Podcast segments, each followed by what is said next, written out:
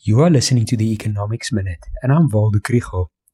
Following last week's riots, which left many people in KwaZulu Natal and Gauteng destitute, an announcement about a new grant is expected within a few days. Analysts are now wondering what amount, for whom, and for how long.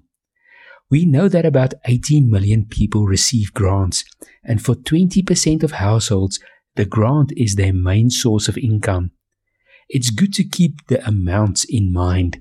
The old age pension for people older than 75 years is 1,910 Rand per month. The allowance for people with disabilities or caring for a disabled child is 1,890 Rand per month.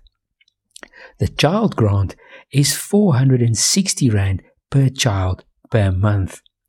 In addition, approximately 7 million people registered for the 350 Rand COVID related relief grant.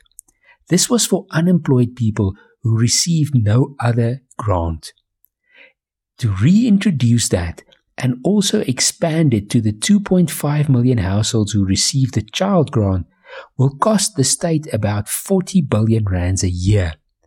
These are small amounts for the people who receive it, but is it too much if the treasury doesn't have it.